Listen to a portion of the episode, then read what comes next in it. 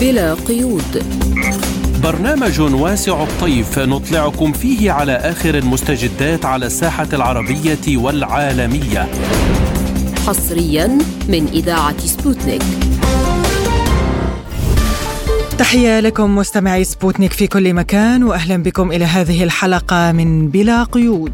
نصحبكم فيها من استديوهاتنا في موسكو أنا فرح القادري. وأنا نغم كباس والبداية بأبرز العناوين. الدفاع الروسي تعلن عودة 94 عسكريا روسيا من الأسر في أوكرانيا. وزارة الخارجية المصرية تفرض على جميع السودانيين الحصول على تأشيرات قبل دخول البلاد. المرشد الأعلى الإيراني يؤكد أنه لا مشكلة في إبرام اتفاق نووي لا يمس بالبنية التحتية للصناعة النووية الإيرانية. الاتحاد الأوروبي يقدم حزمة مساعدات مالية لتونس. المرشح لانتخابات لبنان سليمان فرنجية يتعهد بإجراء حوار وطني شامل دون شروط. لازلتم تستمعون إلى برنامج بلا قيود. نبدأ التفاصيل من الشأن الأوكراني وأعلان وزارة الدفاع الروسية إطلاق سراح 94 عسكريا روسيا من الأسر بعد مفاوضات مع نظام كييف بعد أن كانوا يواجهون خطرا مميتا هناك. بدوره صرح وزير الدفاع الأوكراني أليكسي ريزنيكوف بأن موضوع تحالف الطائرات المقاتلة سيصبح أولوية بالنسبة إلى كييف في الاجتماع المقبل بصيغة رامشتاين وعلى وجه الخصوص ستتم مناقشة قضايا تدريب الطيارين والفنيين والمهندسين الأوكرانيين. على صعيد متصل تشهد العاصمة الفرنسية باريس انعقاد اجتماع مثلث فيمار حيث يعتزم خلاله قادة فرنسا وألمانيا وبولندا تنسيق المساعدات العسكرية لكييف ومناقشة الضمانات الأمنية المحتمل تقديمها لأوكرانيا. وللحديث عن هذا الموضوع ينضم إلينا عبر الهاتف الخبير بالشأن الروسي الدكتور حسام العتوم. أهلا بك دكتور في برنامج بلا قيود. أهلا أهلا بكم في روسيا العظيمة وكل عام وأنتم بخير بمناسبة العيد الوطني الروسي. وأنت بألف خير. يعني كيف تدعو إلى تشكيل تحالف جوي؟ هل من الممكن تحقيق ذلك؟ هل يمكن أن تتجرأ الدول إلى تشكيل هذا الحلف وقد يؤدي إلى صدام مع روسيا مباشر برأيك؟ سيدتي أنا لا أعتقد بأن الغرب يمكن أن يزج نفسه في حرب مباشرة مع روسيا العظمى، الغرب يعرف قوة روسيا بأنها دولة ليست عادية من حيث القوة هي متفوقة في السلاحين التقليدي والنووي لكنها تواصل مماحكة روسيا عن طريق كييف وهو عمل ضار للعاصمة الأوكرانية كييف. الواجب أن تبحث عن السلام وأيضا ضار لكل الغرب الذي بدأ يفقد هيبته أمام العالم. نعم دكتور نعم. يعني ممكن يكون اتفاق التبادل الاسرى بين كييف وموسكو تعلم بأنه تم التبادل اليوم عاد 94 عسكري روسي إلى روسيا من الأسر هل يمكن نعم. ان تكون هذه الخطوة إيجابية لبدء مفاوضات محتملة بين روسيا وأوكرانيا؟ نعم نعم أنا هكذا كنت يعني أعتقد وأفكر بموضوع تبادل الأسرى بمستوى 100 أسير مناصفة 50 أسير من كل طرف وهذا ممكن حسب اتفاقية جنيف. ومن الممكن والواجب أن يقود إلى البحث عن مفاتيح للسلام سلام الأمر الواقع أو سلام الحلول الوسطية بين الطرفين. والأصل في الغرب أن يرفع يده عن آه هذه الحرب بالمجمل. نعم دكتور حسام إذا تحدثنا عن المساعدات الغربية لنظام كييف اليوم الغرب قلق من فشل القوات المسلحة الأوكرانية ويريد تبرير هذه المساعدة العسكرية والمادية إلى نظام كييف ماذا ستكون الخطوات التالية لحلفاء كييف في حالة فشل الهجوم المضاد برأيك؟ الهجوم المضاد هو فاشل قبل أن يبدأ. وأوكرانيا لن تستطيع أن تكون في وضع يقاوم الجيش الروسي. الجيش الروسي جيش محرر ليس بجيش احتلالي ولا حتى عدواني وهذه أرضهم التاريخية. والجيش الأوكراني معروف بأنه ضعيف مهما حصل على أسلحة وتدريبات في الغرب. ولا مخرج للعاصمة كييف ولا حتى للغرب إلا التعقل والقبول بسلام الأمر الواقع أو بسلام الحلول الوسطية. نعم دكتور يعني أيضا هناك تصريحات أمريكية من جهاز الاستخبارات الأمريكي من ضابط سابق فيها قال بأنه الولايات المتحدة ربما تضحي بزيلينسكي. يعني هل يمكن اليوم أن يعي زيلينسكي هذه الحقيقة وبأنه مجرد ورقة ربما تنتهي صلاحيتها وبالتالي الاستغناء عنه؟ هل يمكن هذا الأمر يدفعه إلى التفاوض مع روسيا إيجاد حلول أخرى ربما الاتجاه نحو دول أخرى غير الولايات المتحدة الأمريكية؟ أنا آه، شخصيا لا أعتقد ذلك. زيلينسكي يحاول وهو تحت يعني أغرق نفسه بكل هذه الحرب وبكل الإغراءات الغربية وبكل الاتفاقات اللوجستية إن صح التعبير مع الغرب. الغرب قادر على تغيير شخصية زيلينسكي لكنه لن يعني آه، لن يذهب إلى إقناع زيلينسكي بأن يوقف الحرب. نعم يعني يعني, يعني التفاوض مستبعد برأيك دكتور. لا مستبعد مستبعد. وشخصية زيلينسكي تهمهم وهو يعني عبارة عن يعني آه، بالنسبة لهم أداة وحتى agent عميل لهم آه، لتمرير مشاريعهم طويلة المدى الحرب الباردة سباق التسلح استنزاف روسيا وكلها أصبحت مكشوفة وروسيا أكبر من كل المشاريع الغربية المحاكاة. برأيك دكتور يعني ما وصلت إليه الأمور آه، في الميدان العسكري في الأراضي الأوكرانية وما قد نقول يعني خيبة أمل الغرب في إسقاط واستنزاف روسيا فعليا كما كانوا يتوقعون سابقا. سيمور هيرتش قال أن الهجوم الأوكراني لن يفيد كييف وواشنطن. هل من الممكن افتراض أن الهجوم المضاد كان في الأصل جزءا من خطط الولايات المتحده الأمريكية بإسقاط أوكرانيا.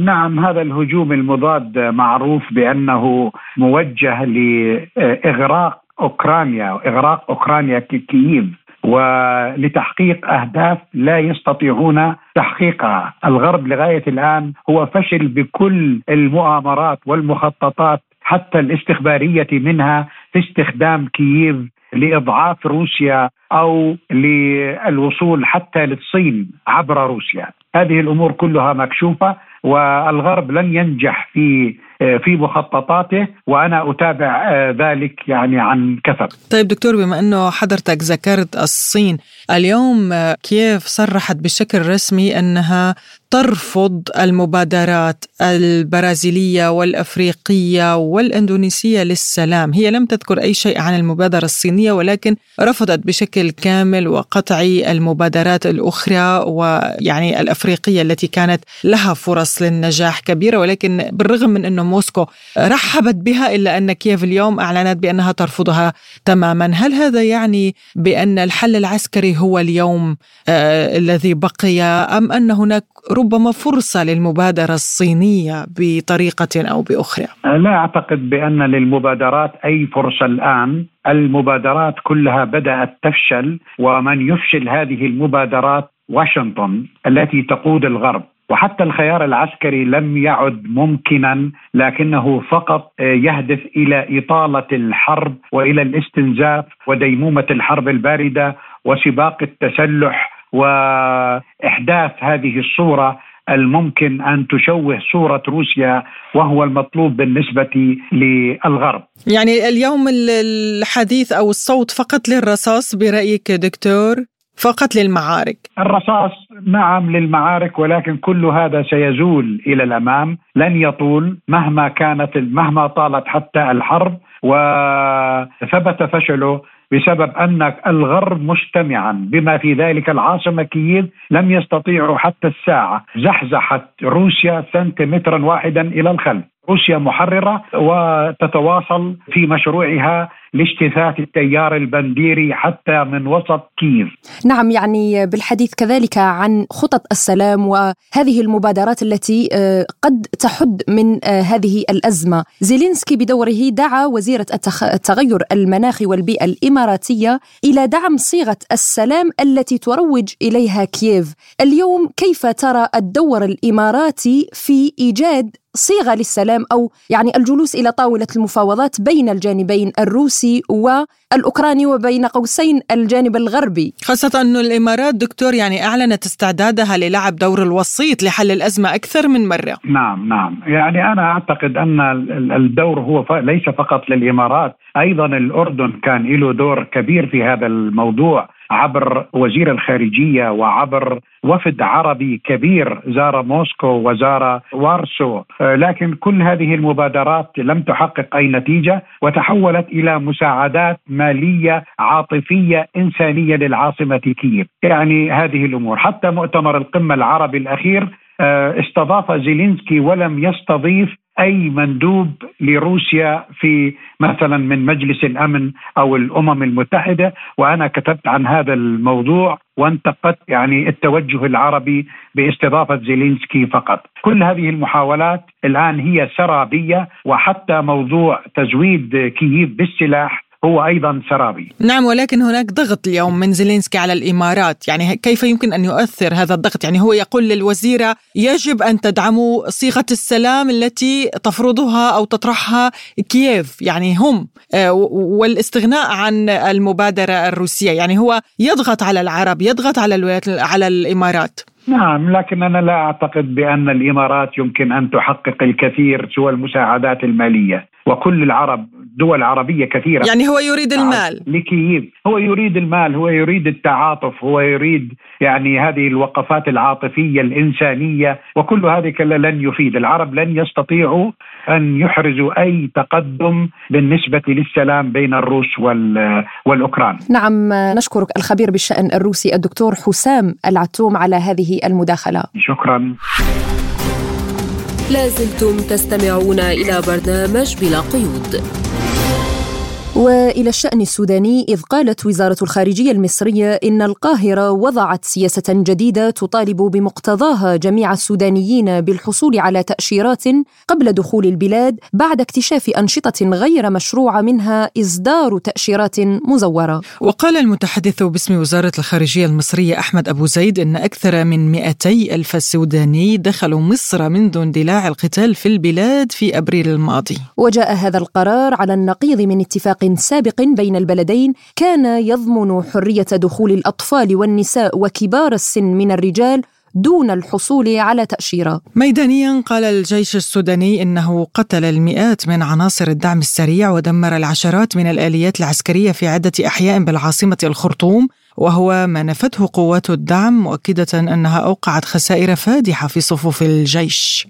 وأضاف تكبد العدو خسائر فادحة تضمنت تدمير العشرات من الآليات العسكرية وقتل المئات وأسر عدد من المتمردين والمرتزقة الذين لاذوا بالفرار بعد أن تركوا قتلاهم وراءهم. ولمناقشة هذا الموضوع أكثر ينضم إلينا عبر الهاتف الخبير بالشأن السياسي والإقليمي الدكتور محمد سيد أحمد السيد. أهلا بك دكتور في برنامج بلا قيود. ونبدأ من هذا القرار. إصدار تأشيرات للاجئين السودانيين في حال دخولهم مصر برأيك هل هذا القرار صائب حاليا في ظل الحرب وما مصير هؤلاء اللاجئين؟ أنا أعتقد إنه آه، قرار صائب للغاية. يعني آه، الحدود كانت مفتوحة. مصر لم تمانع يعني آه، من دخول الأشقاء في السودان إلى أراضيها. لكن نعلم جيدا إنه عبر الأزمة الراهنة عبر كثير من الإخوة السودانيين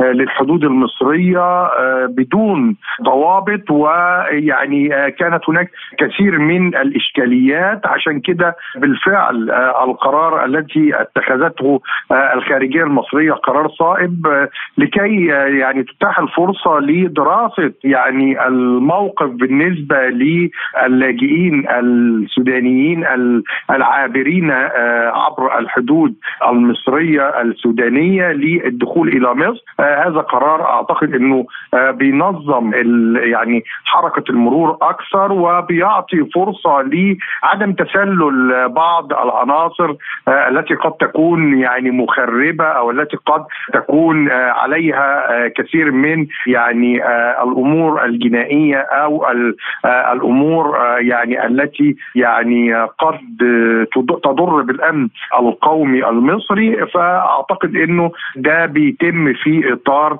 يعني القانون الدولي وما ينظمه من عبور المواطنين بين الدول ودخولهم إلى دول أخرى. فانا اعتقد انه هذا قرار صائب في تلك اللحظة خاصة انه اعداد كبيرة دخلت إلى الأراضي المصرية ونعلم جيدا انه ممكن أن تكون من بين هذه الأعداد الكبيرة التي عبرت من الأشقاء السودانيين بعض العناصر المندسه التي يمكن أن تؤثر تاثيرا سلبيا على يعني الأمن المصري وبالتالي هذا إجراء بتقوم به مصر إجراء احترازي لي يعني ضمان أن يكون هؤلاء اللاجئين يعني لا يمارسوا أي أعمال عنف أو تطرف أو إرهاب على الأراضي المصرية. دكتور محمد يعني قائد قوات الدعم السريع قال إنه عدم فاعلية الهدنة يرجع إلى عدم وجود آلية لوقف إطلاق النار، برأيك كيف يمكن تثبيت هذه الهدنة اليوم في ظل الفروقات بين الأطراف المتنازعة؟ يعني طبعا تثبيت الهدنة يعني صعب للغاية خاصة إنه طرفي النزاع ليسوا متساويين من حيث الحق القانوني ولا من حيث الشرعية. يعني أنت تتحدثي عن جيش وطني سوداني مهما كان مكون هذا الجيش أو هناك اختراقات من جماعة الإخوان الإرهابية عبر حكم عمر البشير للجيش الوطني السوداني إلا إنه في النهاية هو الجيش الوطني المعترف به رسميا من الدولة وبالتالي لا يمكن أن نساويه بقوات الدعم السريع التي هي بالأساس ميليشيا يعني مسلحة وميليشيا إرهابية وبالتالي يعني محاولة أن تقنع غير الشرعي وغير الرسمي بوضعيته وبأنه يعني ليس له وجودا شرعيا وبالتالي عليه أن يعني يلتزم بما أقرته يعني الشرعية أعتقد إنه فيها صعوبة شديدة. هو يطمع في السلطة هو يطمع في الاستمرار وبالتالي أنا بشوف إنه الأفضل في مثل هذه الحالة هي يعني أن تكون مواجهة حاسمة ل يعني نزع سلاح هذه الميليشيا المسلحة التي يعني لا يمكن أن يقبل بوجودها في أي مجتمع، المجتمعات دائما من يحمل السلاح فيها ومن يحميها هو جيشها الوطني. أما الميليشيا المسلحة فلا وجود لها ولا بد من مواجهتها مواجهة حاسمة. المجتمع الدولي يقف عاجزا للأسف الشديد وفي إشكالية كبرى فيما يتعلق بالوضعية بالسودان الآن. وخلينا نقول إنه في أطراف دولية من مصلحتها استمرار الأوضاع في السودان على ما هي عليه. نعم يعني نعلم دكتور أن هناك هدنة تمت برعاية الرياض وواشنطن.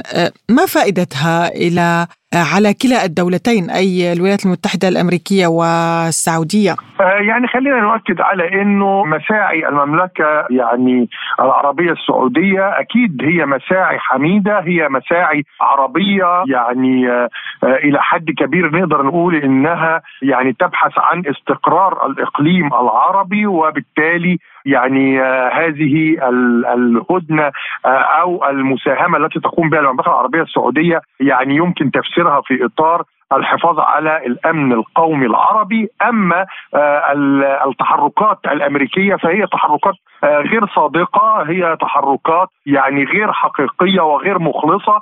نعلم جيدا أن الولايات المتحدة الأمريكية لديها مشروع كبير اسمه مشروع الشرق الأوسط الكبير أو الجديد. هذا المشروع يعني يستهدف تفتيت المجتمعات وتقسيم المجتمعات العربية ويعني الولايات المتحدة الأمريكية يعني ليس من مصلحتها استتباب الأمر في السودان. الولايات المتحدة الأمريكية هي من سعت إلى تقسيم السودان إلى شمال وجنوب وهي التي تسعى الآن إلى تقسيم جديد بالداخل السوداني وبالتالي ما يحدث الآن من محاولات للتهدئة أو للوساطة أنا أعتقد أنها غير مخلصة من قبل الولايات المتحدة الأمريكية. طيب يعني بالحديث عن الاتحاد الإفريقي، السلطات السودانية طلبت من دول الاتحاد الإفريقي عدم التفاعل مع الأمم المتحدة، برأيك ما العواقب لتدهور العلاقات بين الخرطوم والأمم المتحدة يعني خلينا نؤكد على أنه بالفعل الأمم المتحدة غير محايدة ونعلم جيدا ان من يسيطر على المنظمة الدولية التي آه، تدعى بالأمم المتحدة هو الأكبر مساهمة آه، داخل هذه آه، المنظمة وهي الولايات المتحدة الأمريكية. ونعلم جيدا إنه يعني الولايات المتحدة الأمريكية هي اللاعب الرئيس في السيطرة والهيمنة على المنظمة الدولية وبالتالي إذا كان من مصلحة الولايات المتحدة الأمريكية استمرار الأوضاع مشتعلة بالسودان وعدم استقرار السودان فأنا أعتقد إنه آه، يعني هذا آه، يعبر تعبيرا حقيقيا عن أن الأمم المتحدة ستكون تابعة للإرادة الأمريكية. لذلك يعني لابد أن آه، لا تثق السودان أو يعني لا يثق الأشقاء في السودان في الأمم المتحدة وفي مساعيها. آه، الأمم المتحدة موجودة والأزمات العربية كلها موجودة. آه، الأزمة في ليبيا الأزمة في آه، سوريا الأزمة في اليمن. أزمات كبرى عبر أكثر من 12 عاما ولم تستطع آه، الأمم المتحدة حسمها بالعكس الأمم المتحدة تعمق آه، هذه الأزمات وتزيد منها آه، تنفيذا للأجندة الأمريكية وبالتالي عدم ثقة يعني السودان والشعب السوداني والمسؤولين في السودان في هذه المنظمة الدولية أعتقد إنه محق إلى حد كبير. يعني بالإضافة إلى الاتحاد الأفريقي دكتور أيضا دول مجلس التعاون الخليجي أكدوا على أهمية حل الأزمة في السودان ما هو الدور الذي يمكن أن تلعبه دول الخليج؟ طبعا آه، الدور الخليجي لا ينفصل عن الدور العربي يعني بشكل كامل خاصة في هذه اللحظة. آه، نعلم جيدا إنه الدور الخليجي في فترة ما كان يعني يلعب لصالح آه، المشروع الأمريكي. شفنا ده في سوريا وشفناه في ليبيا وشفناه في اليمن. لكن الآن يعني ليس من مصلحة الخليج وليس من مصلحة الدول العربية يعني خاصة بعد المصالحات الأخيرة وعودة سوريا للجامعة العربية والتفاعل العربي الكبير في قمة جدة الأخيرة أنا أعتقد إنه يعني الخليج الآن بالفعل يسعى إلى الحفاظ على أمن المنطقة العربية وإذا كانت آه، هناك بالفعل أزمة مفتعلة بالداخل السوداني فستكون هناك كل الجهود وستبذل كل الجهود لإنهاء هذه الأزمة آه، لأنها تؤثر بشكل عام على الأمن العربي بشكل عام وإحنا شايفين يعني التحولات الكبرى التي تحدث في العالم الآن العالم بيتشكل من جديد وفقا لتعددية قطبية والولايات المتحدة الأمريكية تحاول عرقله ولادة النظام الدولي الجديد متعدد الأقطاب بكل الطرق بإشعال النيران في مناطق كثيرة من العالم. هي التي أشعلت النيران في أوكرانيا هي التي أشعلت النيران في السودان هي التي تريد تعميق الأزمة في سوريا وفي ليبيا وفي آه، اليمن هي التي يعني ترغب في استمرار الأوضاع مشتعلة لكي لا يولد هذا النظام العالمي الجديد. نعم نشكرك الخبير بالشأن السياسي الإقليمي الدكتور محمد سيد أحمد السيد على هذه المداخلة. لازلتم تستمعون إلى برنامج بلا قيود. وإلى الشأن الإيراني حيث أكد المرشد الأعلى الإيراني علي خامنئي أنه لا مشكلة في إبرام اتفاق نووي شريطة عدم المساس بالبنية التحتية للصناعة النووية الإيرانية. وأضاف خامنئي أنه ينبغي الحفاظ على التعاون مع الوكالة الدولية للطاقة الذرية في إطار معاهدة ضمانات ولا يجوز انتهاك قانون رفع العقوبات الاستراتيجي الذي أقره البرلمان. الممثلية الدائمة لإيران في فيينا نفت وجود وجود أي مواد نووية غير معلن عنها في إيران قائلة إن جميع المواد والأنشطة النووية الإيرانية تخضع لرقابة صارمة والتحقق من قبل الوكالة الدولية للطاقة الذرية إلى جانب الشفافية الطوعية والتعاون الإيراني مؤكدة أنه لا يوجد أي مبرر للتشكيك في الطبيعة السلمية لبرنامج إيران النووي. للحديث أكثر حول هذا الموضوع نستضيف معنا الخبير بالشأن الإيراني الدكتور إياد المجالي. أهلا وسهلا بك دكتور وشكرا لتواجدك اليوم معنا في بلا قيود. ومباشرة نبدأ معك من التخوف الأمريكي بخصوص امتلاك إيران لمواد نووية. برأيك هل من الممكن التوصل لاتفاق نووي جديد بين إيران وأمريكا في ظل هذا الصراع العالمي؟ نعم نعم. اولا سؤالك له شقين حقيقة. يبدأ من استراتيجية النظام السياسي الحاكم في طهران حول في التعاطي مع برنامجه النووي وأهدافه الاستراتيجية في محاولة فرض سياسة الضغوط القصوى وحافة الهاوية في البحث عن مكاسب سياسية لتحقيق أهداف رفع العقوبات الاقتصادية عن طهران و إيجاد بدائل أمام النظام الدولي في التعاطي مع إيران بعيدا عن حقوقها في الحصول على برنامج نووي سلمي أو قواعد دفاعية أو أسلحة يعني تضمن لها الأمن والسلم الدوليين. هذا التصريح الذي يعني أشرت حضرتك إليه للمرشد الأعلى في النظام السياسي الحاكم بطهران وهو رأس السلطة السياسية في في إيران.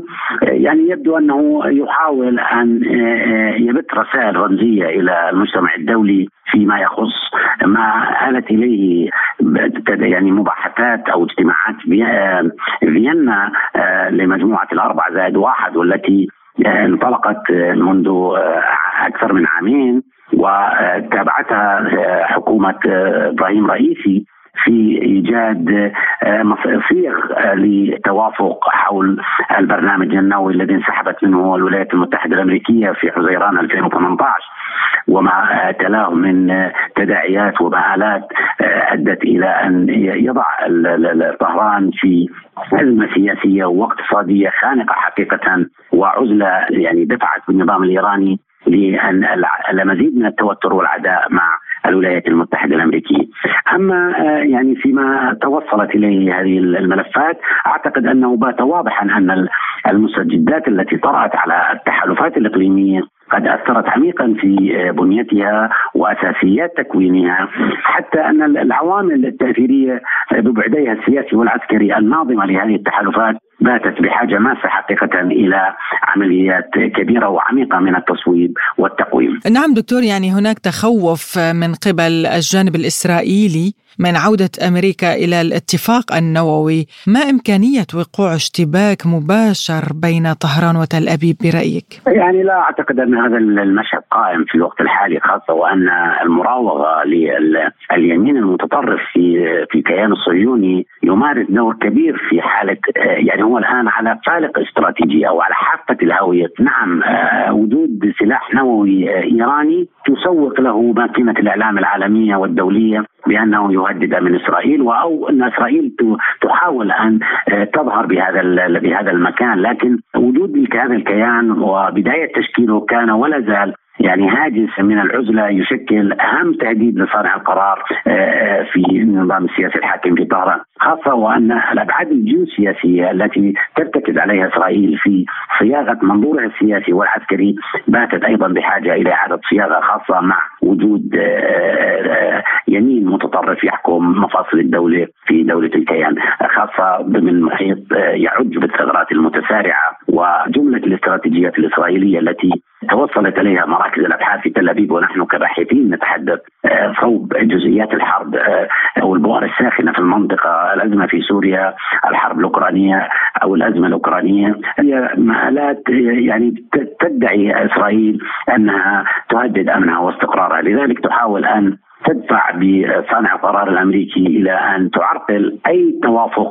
حول البرنامج النووي الإيراني. رئيس منظمة الطاقة الذرية الإيرانية قال إننا رغم العقوبات حققنا إنجازاتنا النووية، هل برأيك دكتور أثبتت إيران أنها قادرة على مواجهة الولايات المتحدة بالرغم من كل هذه الضغوطات وهذه العقوبات؟ نعم نعم يعني صانع القرار السياسي في النظام السياسي الحاكم في طهران أعتقد أنه استطاع بحنكة سياسية أن يحقق كل منجزات الاتفاق النووي ويحاول أن يوظف هذا هذه الضغوط إلى أن يوفر مكاسب سياسية. استطاع أن يتعاون مع المنظمة الدولية للطاقه النوويه وبالتالي وفر كل المعلومات التي تحتاجها هذه المنظمة يعني وهي منظمة أمنية قبل أن تكون منظمة يعني في في جانب المجتمع الدولي وبالتالي هي تعمل ضمن أطر وأسس وقواعد تعاونت مع السلطات الإيرانية بشكل كبير. وبالتالي كل من المحاولات التي تسعى إسرائيل لعرقلتها في والتوصل إلى هذا الاتفاق أعتقد أنها لن تقف عائق أمام المجتمع الدولي ومجموعة الأربعة زائد واحد والشركاء الأوروبيين في التوصل إلى اتفاق ينهي حالة العقوبات الاقتصادية وإعادة الولايات المتحدة الأمريكية بضمانات دولية بعدم تكرار هذا الانسحاب في المستقبل. طيب دكتور إذا نظرنا إلى الدول الأوروبية ما مصالح هذه الدول وما الفوائد التي يمكن أن تجنيها من عودة التوافق بين طهران وواشنطن على الاتفاق النووي؟ المجتمع الأوروبي أو الشركاء الأوروبيين أو الأعضاء الدائمين في مجلس الأمن هم شركاء بالمطلق مع في هذا الاتفاق وبالتالي كل هذه الأطراف لها مصالح. سياسيه واقتصاديه ضخمة مع النظام السياسي الحاكم في طهران وبالتالي من مصلحتها إعادة التوافق حول هذا البرنامج يعني للقفز على العقوبات الاقتصادية التي فرضتها الولايات المتحدة الأمريكية على إيران وبالتالي المتضرر الأكبر من هذه العقوبات هي هي فرنسا والصين وبريطانيا ويعني هذه الدول هي التي كانت من المتضررين.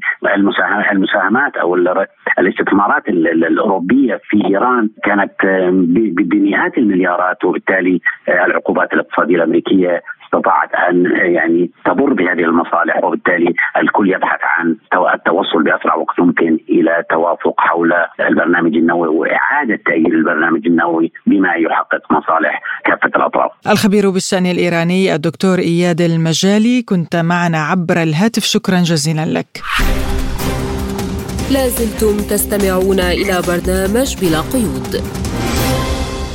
وإلى الشأن اللبناني أكد المرشح للرئاسة اللبنانية سليمان فرنجيه استعداده لحوار وطني شامل دون شروط للوصول إلى حل لمشاكل لبنان. وقال إذا تم الاتفاق بين كل القوى السياسية على مرشح يحل الأزمات فلا مشكلة لدي بذلك. ومستبعدا إنجاز ملف اختيار رئيس للجمهورية في جلسة البرلمان الأربعاء المقبل. وللحديث أكثر عن هذا الموضوع ينضم إلينا من بيروت الكاتب والخبير بالشأن اللبناني الأستاذ حسان الحسن. أهلا بك أستاذ حسان في برنامج بلا قيود ودعنا نبدأ من هذه الانتخابات اللبنانيه وتصريح سليمان فرنجية يعني حول الحوار الوطني الشامل. هل تعتقد أنه قادر على كسب ثقة الشارع اللبناني اليوم؟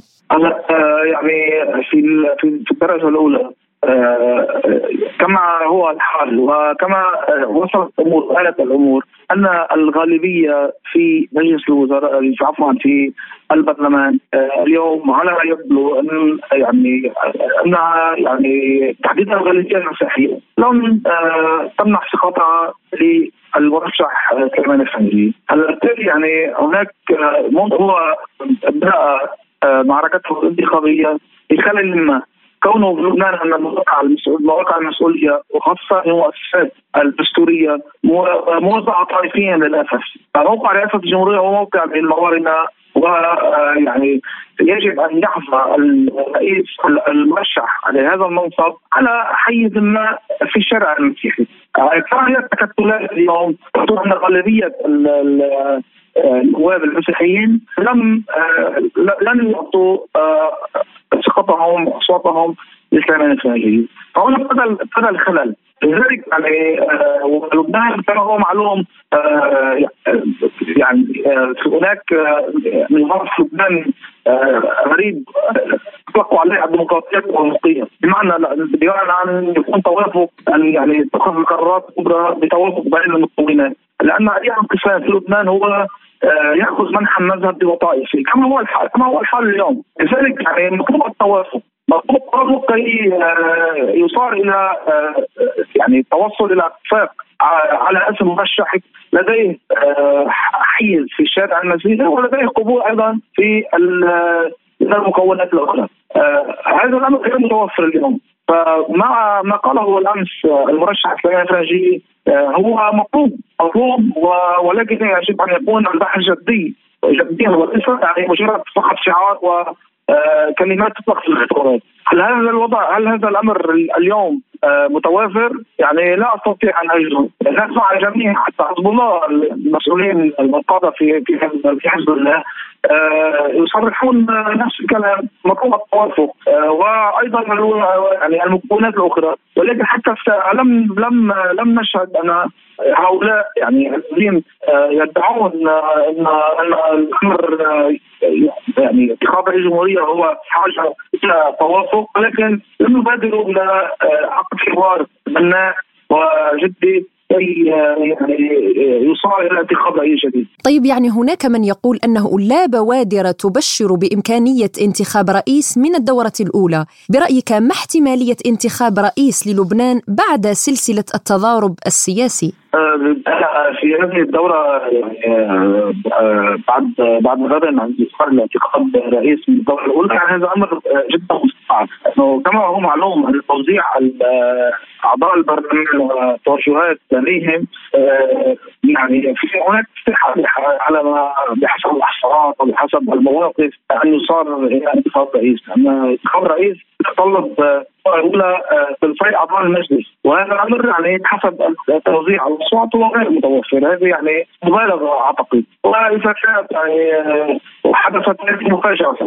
ولكن أنا يعني أقول أنها احتمال ضئيل جدا هذا الاحتمال اما هو ان اليوم مطلوب رئيس بالتاكيد نحن اليوم يعني انتخاب رئيس الجمهورية هو يعيد دورة يعني النظام العام داخل المؤسسات. اليوم الحكومة هي حكومه تصرف عمل غالبية الإدارات اليوم يعني شبه حتى البلديات. لذلك يجب الاسراع بانتخاب رئيس الجمهوريه كي تعود دورة الانتظام العام إلى مختلف المؤسسات. رئاسه الجمهوريه حكومه ادارات تعيينات إدارية في المراكز الشاغله وهذا لن يحصل قبل ان يعني يتم التوافق أو انتخاب أو انتخاب رئيس جمهورية مقبل كي تعود دوله المؤسسات إلى طبيعتها. وهذا الأمر لأن طبعا الوقت يعني لا لم تتعرف الوقت.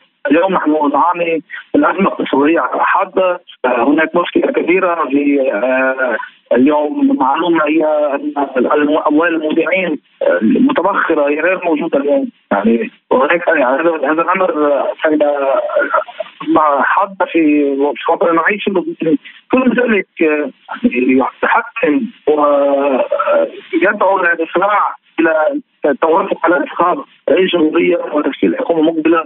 قادر على النهوض بها. من بين اقتراحات فرنجية أستاذ الكريم هو أن يكون حاكم مصرف لبنان من خلفية اقتصادية لديه رؤى اقتصادية ومن مدرسة اقتصادية غربية. برأيك هل هذا هو الملف الذي سيلعب عليه فرنجية ليظفر بأصوات اللبنانيين؟ يعني بكل موضوعية لا نسمع منه ولا من غيره عن الرؤى الاقتصادية. لم نسمع أي برنامج من أي مرشح عن الرؤى الاقتصادية يعني المفترضة لإنقاذ الوضع اللبناني الوضع الاقتصادي.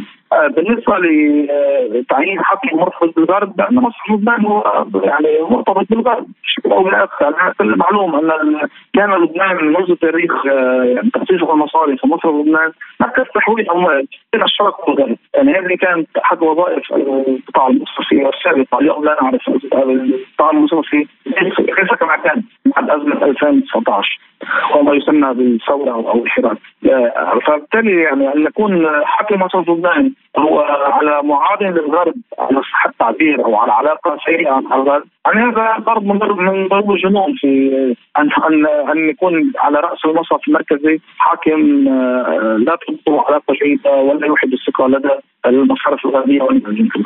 هذا أكيد نوافق الوزير الخارجيه في الراي ولكن بالنسبة للرؤى الاقتصادية يعني لا يمكن سيدتي الكريمه أتوقع توصلت لبنان إن هذا الدرجه انها هي انقاذه هذا كمان هذا أمر غير منطقي. لذلك يتطلب يعني فعلا تسليم يعني شخصيات واصحاب الكفاية واصحاب التاريخ النظيف.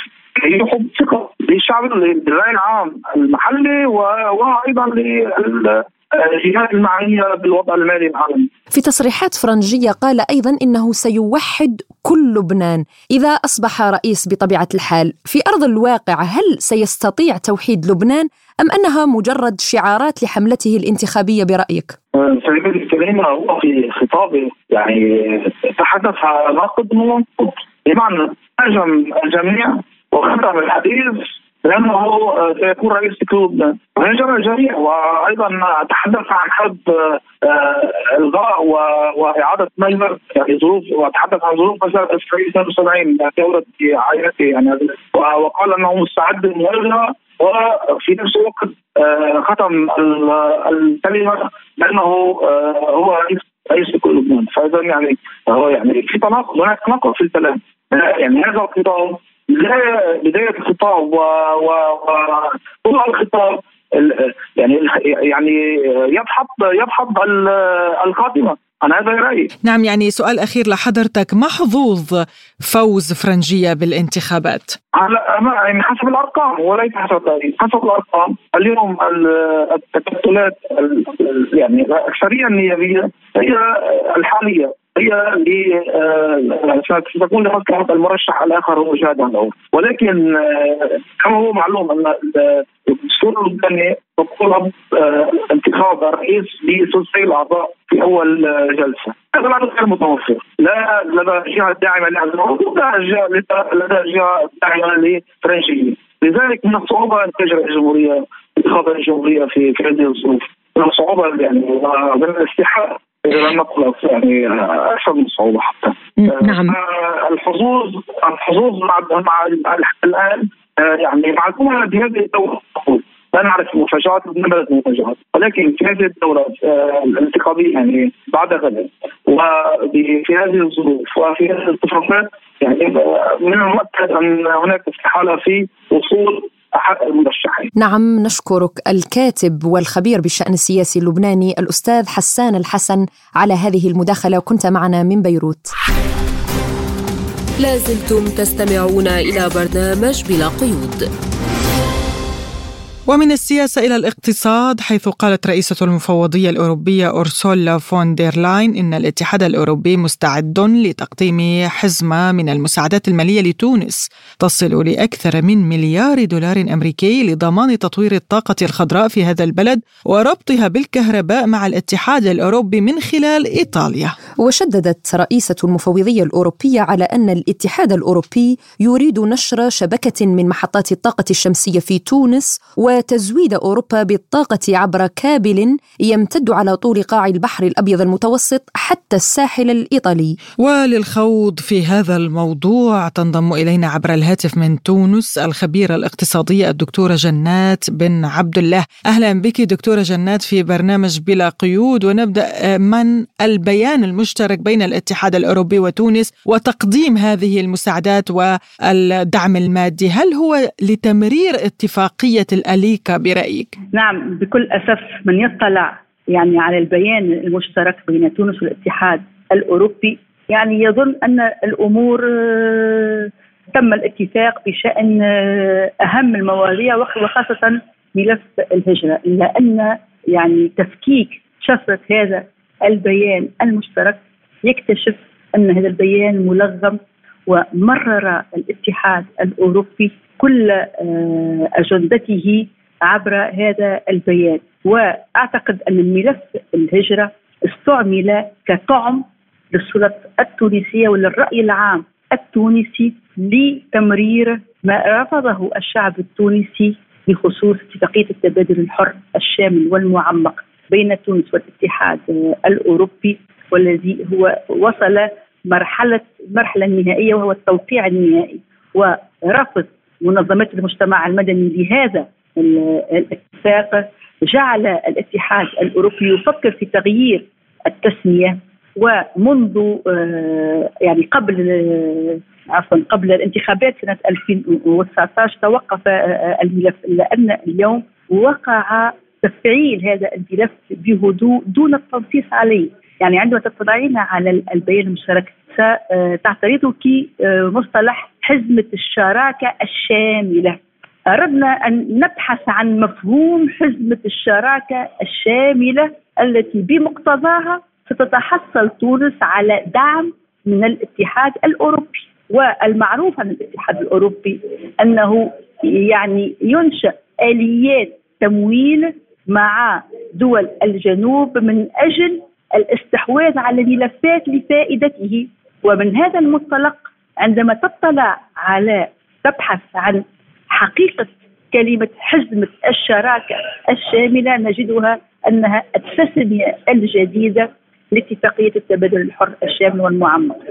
والمتابع لنص البيان سيجد أن الملف الجوهري وهو ملف الهجرة لم يتم الاتفاق بشأنه ولم يتم يعني وضع لا أجندة ولا مذكرة تفاهم. كل ما وقع الاتفاق بشأنه هو انعقاد مؤتمر دولي بما يعني ترحيل هذا الملف في حين أن هذا البيان كشف عن إنشاء مذكرة تفاهم يجب الانتهاء من إعدادها في موفى هذا الشهر وتتعلق يعني بحزب الشراكة الشاملة وتتعلق بملف الطاقة طيب دكتورة جنات ما أهداف الاتحاد الأوروبي المخفية من هذه الزيارة برأيك؟ حضور رئيس المفوضية إلى تونس لم يكن من أجل ملف الهجرة باعتبار أن ملف الهجرة هو ملف يعني يمكن تناوله بين الدول ولا داعي لتحول رئيس المفوضية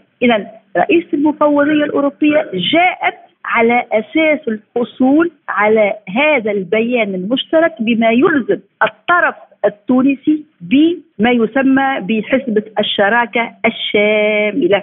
وأهم نقطة في هذا البيان يتعلق بملف الطاقة وخاصة يعني الطاقة المتجددة. وتعلمون أن عين الاتحاد الأوروبي هي اليوم على تونس وعلى دول جنوب المتوسط باعتبار الثروة الشمسية والاتحاد الأوروبي بدأ بالإعداد بمرحله ما بعد روسيا منذ سنوات واليوم الحرب الروسية الأوكرانية سرعت يعني تحرك الاتحاد الأوروبي في البحث عن بدائل عن الغاز وعن النفط الروسي. وتعلمون أن برنامج الاتحاد الأوروبي يعتمد على الانتقال الطاقي بما يعني الاعتماد على الطاقة الخضراء والطاقة والطاقة يعني الطاقات المتجددة من بينها يعني آه، الشمس. وبالتالي هذا البيان ركز بطريقة ذكية وسلسة وبكل هدوء على أن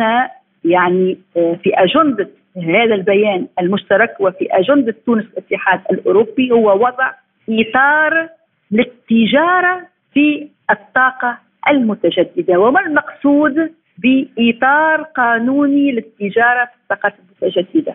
اليوم الطاقة اصبحت ضمن اتفاقيات المنظمة العالمية للتجارة والخدمات الطاقية تخضع لاتفاقيه الاتفاقية العامة لتجارة الخدمات بما يعني أن الخدمات الطاقية هي أيضا تخضع لنفس المبادئ والقواعد اللي تخضع لها تبادل الخدمات فيما بين الدول أي في مجال التجارة الدولية. وباعتبار أن تونس هي عضو المنظمة العالمية للتجارة ولها منطقة تبادل حر تخضع الاتحاد الأوروبي تخضع لأحكام اتفاقية يعني اتفاقيات المنظمة العالمية للتجارة.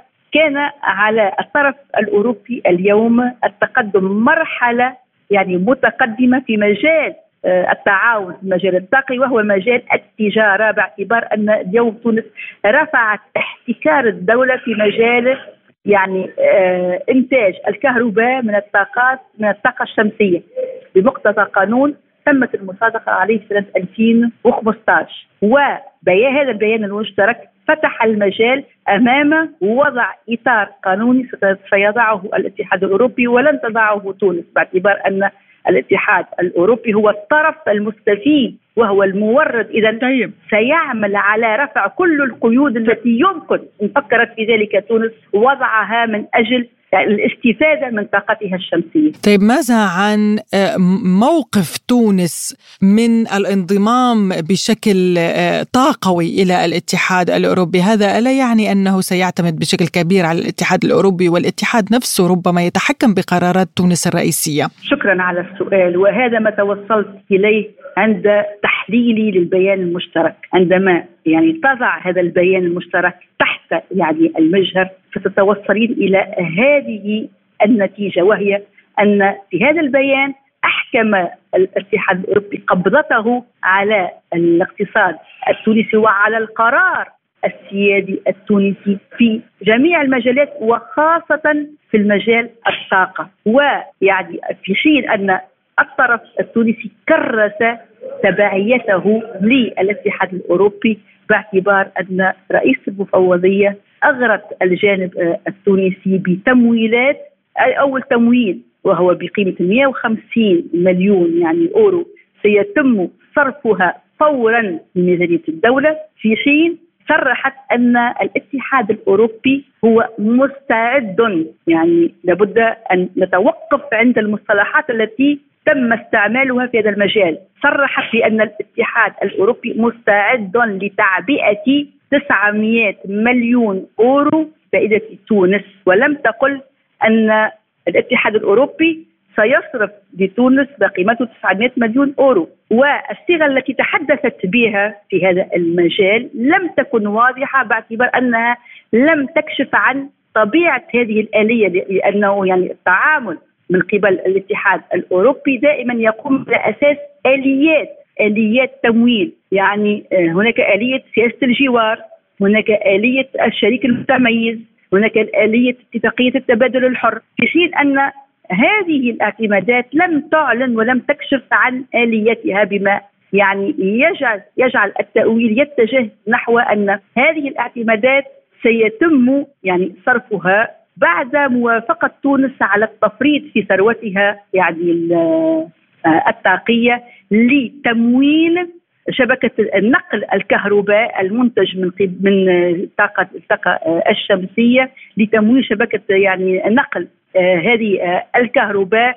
ونفاذ هذه الكهرباء إلى السوق الأوروبية عبر إيطاليا. وبالتالي المستفيد اليوم من هذا من هذا البيان المشترك وهذه الاجتماعات هي إيطاليا. لذلك نرى أن آه، رئيس وزراء إيطاليا هي التي كانت تتحرك من أجل تأمين هذه اللقاءات ومن أجل يعني إصدار هذا البيان المشترك.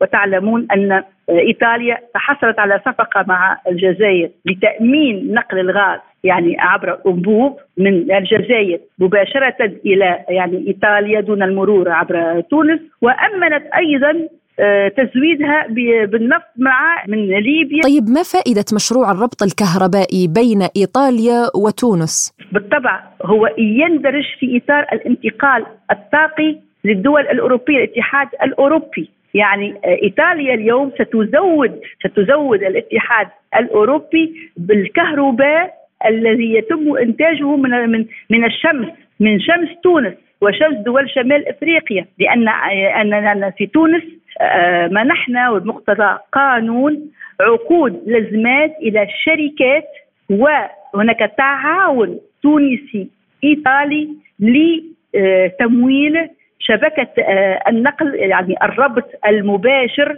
بنقل الكهرباء من تونس إلى إيطاليا وإيطاليا ستوزع هذه الكهرباء هي ستؤمن حاجياتها وستوزع وس يعني آه، تبيع هذه يعني الطاقة. لذلك لذلك نص البيان المشترك على الإطار التجاري بما يعني أن اليوم إيطاليا تعمل على إيجاد الإطار الكفيل بتأمين تحركها في المجال التجاري بعد أن أمنت صلاحياتها ومصالحها في مجال إنتاج الكهرباء ونقل الكهرباء إلى إيطاليا. الخبيرة الاقتصادية الدكتوره جنات بن عبد الله كنت معنا عبر الهاتف من تونس شكرا جزيلا لك.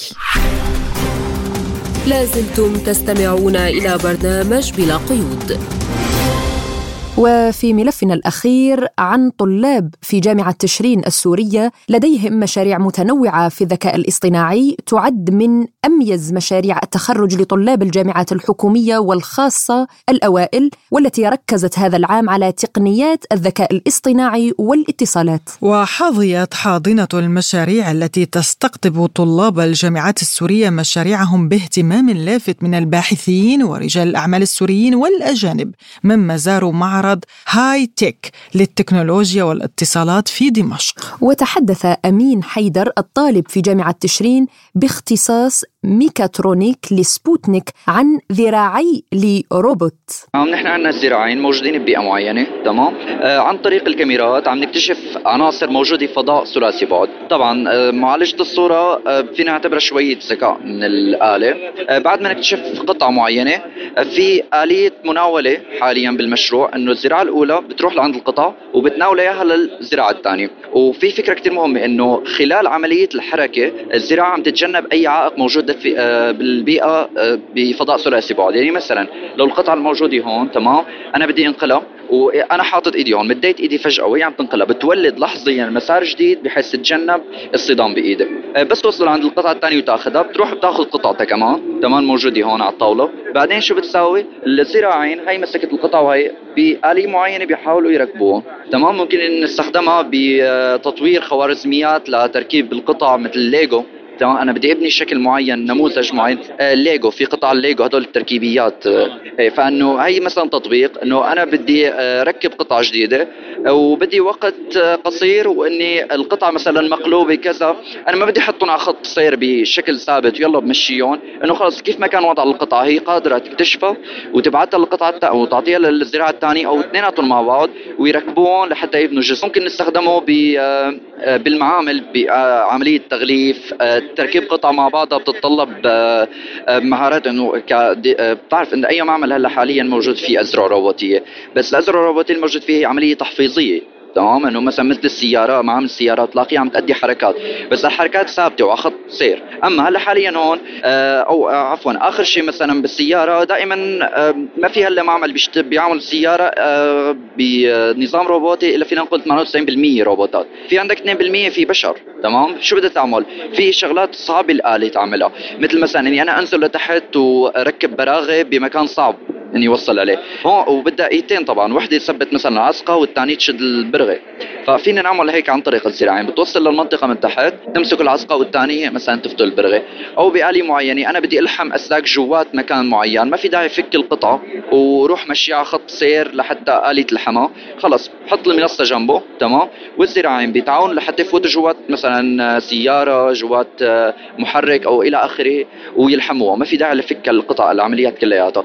شد براغي مثلا تبديل قطع بدها أو حمولات ثقيلة إلى آخره. قال محمد مدنية خريج ميكاترونيك من جامعة تشرين والذي قام مع زميله مجد زهرة بتصميم طائرة درون قادرة على التحليق وتنفذ مهام متنوعة في المجالين العسكري والاسعافي وبمكونات محلية الصنع. هلا هي الفكرة من المشروع كانت اولا يعني بناء طائرة درون قادرة إنه تحلق وتقوم بمهام معينة، طبعا بنعرف طائرات الدرون لها كثير مهام، كانت إسعافية ولا عسكرية ولا كثير لها مهام. فالنقطة الأولى طبعا نحن نوصل لدرون قادرة أنه تطير ونقدر نصنعها محليا ما نستورد منها شيء خارجي. فأهم شيء بالطائرة هو أنه تحقق التوازن.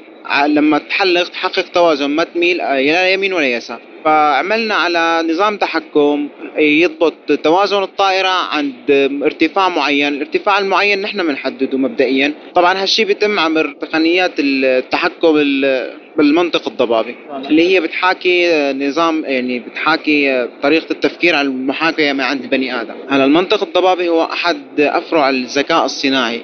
هو بيحاكي تماما طريقة تقدير البني آدم للأمور. فأنا ما بحكم على شيء مثل التحكم المنطق الكلاسيكي هو مثلا شيء بارد أو ساخن. هو يا بارد يا ساخن. ما في شيء بيناته.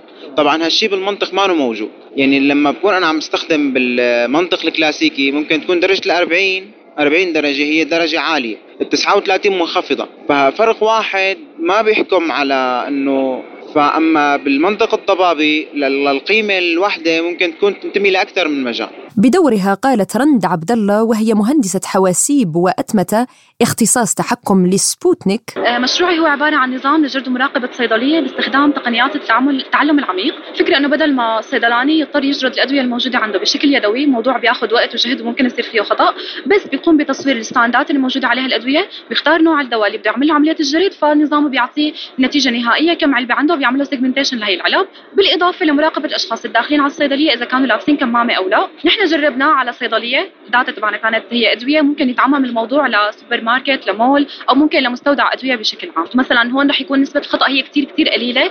آه ما في داعي هي عملية روتينية فهي مملة. ممكن الصيدلاني ما يكون مضطر إنه يوظف واحد خصوصي لحتى يعمل عملية الجرد خصوصي لما بنحكي عن مكان أكبر. صيدلية مركزية أو مثلا مول إذا الموضوع تشتغل بمول أو بسوبر ماركت كبير. عملية الجرد هي بتاخذ وقت. ممكن تكون يومية أسبوعية شهرية سنوية حسب الواحد شو بده. ممكن تصير دورية بشكل إنه تلقائي. الكاميرا دائما شغالة وعملية الجرد دائما عم تشتغل بتساعده بطريقة معينة إنه يعرف هو شو النقص اللي عنده بشكل أوتوماتيكي بدون ما يضطر إنه هو يشوف شو صاير عنده شو ممكن كمان يستخدمها ليقارن مع أنظمة الجرد تبع المحاسبة اللي هي المستخدمة عموما بيطابق النتائج مع بعض لحتى يعرف وين عم يصير الغلط بالضبط. نصل وإياكم مستمعينا الكرام إلى ختام حلقة اليوم من برنامج بلا قيود. كنت معكم فيها أنا فرح القادري وأنا نغم كباس. إلى اللقاء. إلى اللقاء.